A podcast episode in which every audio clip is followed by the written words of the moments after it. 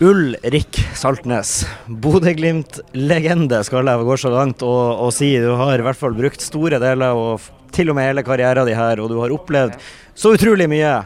Hvor høyt står denne? Du har ikke spilt fotball, du har ikke spilt en tellende fotballkamp på åtte måneder, og du kommer inn. Og du sender Glimt videre på bekostning av Tromsø.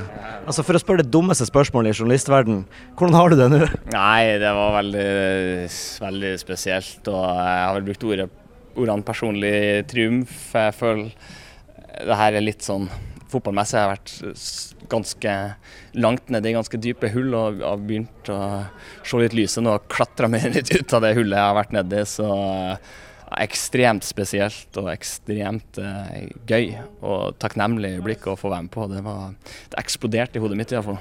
Ja, for jeg går ut ifra at eh, når den ballen går i mål, så ble det kanskje total blackout, og du husker kanskje ingenting, så jeg får hjelpe deg litt på veien her. Du, du er iskald idet du vender av Tromsø-spilleren, og du setter den uttak bort ned i hjørnet, og, og, og, så sprenger bort til eh, supporterne der. Kan du beskrive hvordan du opplevde det, det, det minuttet der? Nei, altså jeg følte uh, jeg, Nå er jeg sikkert ikke veldig uh, objektiv, men jeg følte aldri Aspmyra har tatt så fyr som i det øyeblikket der. Jeg følte hele stadion sto på hodet akkurat i det øyeblikket der. og og så begynner det vel egentlig å demre litt for meg etter hvert eh, hvor kontrastfylt det her er da, i forhold til den tida som jeg har vært igjennom. Og da, da, er jeg glad vi snart er ferdig, for da, da, da er det vanskelig å holde maska.